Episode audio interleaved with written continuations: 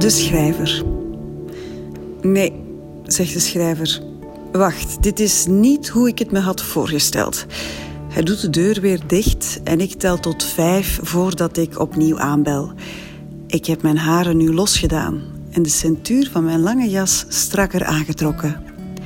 Dag, zeg ik voor de derde keer, maar nu leun ik erbij in de deurpost, terwijl ik hem indringend aankijk.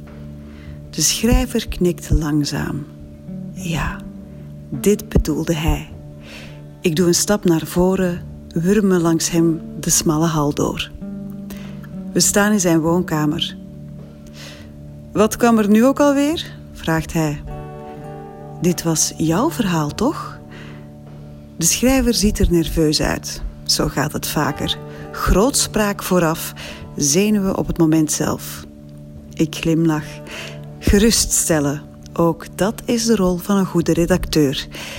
Ik ga op zijn rode bank zitten, voor de boekenkast die de gehele wand beslaat. Hij schenkt wijn in en blijft afwachtend voor me staan. Oké, wat nu komt is.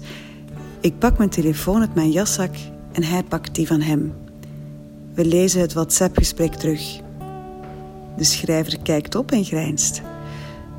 Waarom heb jij je jas nog aan? Ik lees hier dat die al uit had moeten zijn. Je moet nog iets verder terugscrollen, zeg ik. Ik leun naar achteren. Mijn jas valt open en biedt de schrijver uitzicht op mijn dijen. Hij komt ook op de bank zitten. Eh, zegt hij. We hadden afgesproken dat ik nu dus je jas zou uittrekken, maar ik sta open voor textuele wijzigingen, zeg ik. Alles voor de literatuur. Ik wil mijn kousen uitdoen, maar de schrijver schudt zijn hoofd. Hij schuift dichterbij en legt zijn hand op mijn bovenbeen. Ik wil dat Vlaamse accent horen. Zeg iets met veel gees. Hij schuift zijn hand over mijn dijbeen, glijdt traag onder de stof van mijn jas. Wat heb je gedaan vandaag? vraag ik. Ik beweeg mijn benen een stukje van elkaar. Ik heb vandaag niet de hele dag porno gekeken, zegt de schrijver. Ik lach. Hij zoent mijn nek en bijt zachtjes. Ik voel zijn handen steeds verder opschuiven, maar niet ver genoeg. Ik open mijn benen, wacht op zijn vingers.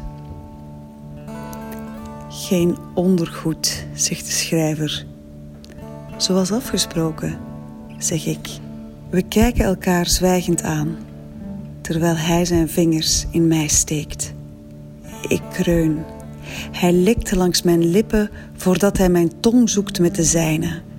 Hij laat zijn vingers in en uit mij gaan, maakt tegelijkertijd draaibewegingen met zijn duim. Ik hijg, duw met mijn bekken tegen zijn hand. Hij stopt, trekt aan de centuur, opent mijn jas en likt over mijn tepels. Ik trek hem op me en schuif zijn broek omlaag.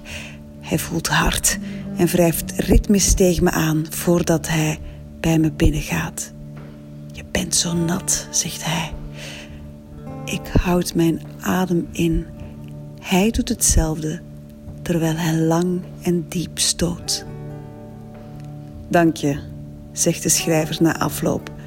Nu weet ik hoe ik verder moet met hoofdstuk 13. Mooi, zeg ik. Hij knikt. Zal ik je alvast vertellen wat ik heb bedacht? Ik schud mijn hoofd. Nee, ik lees het wel.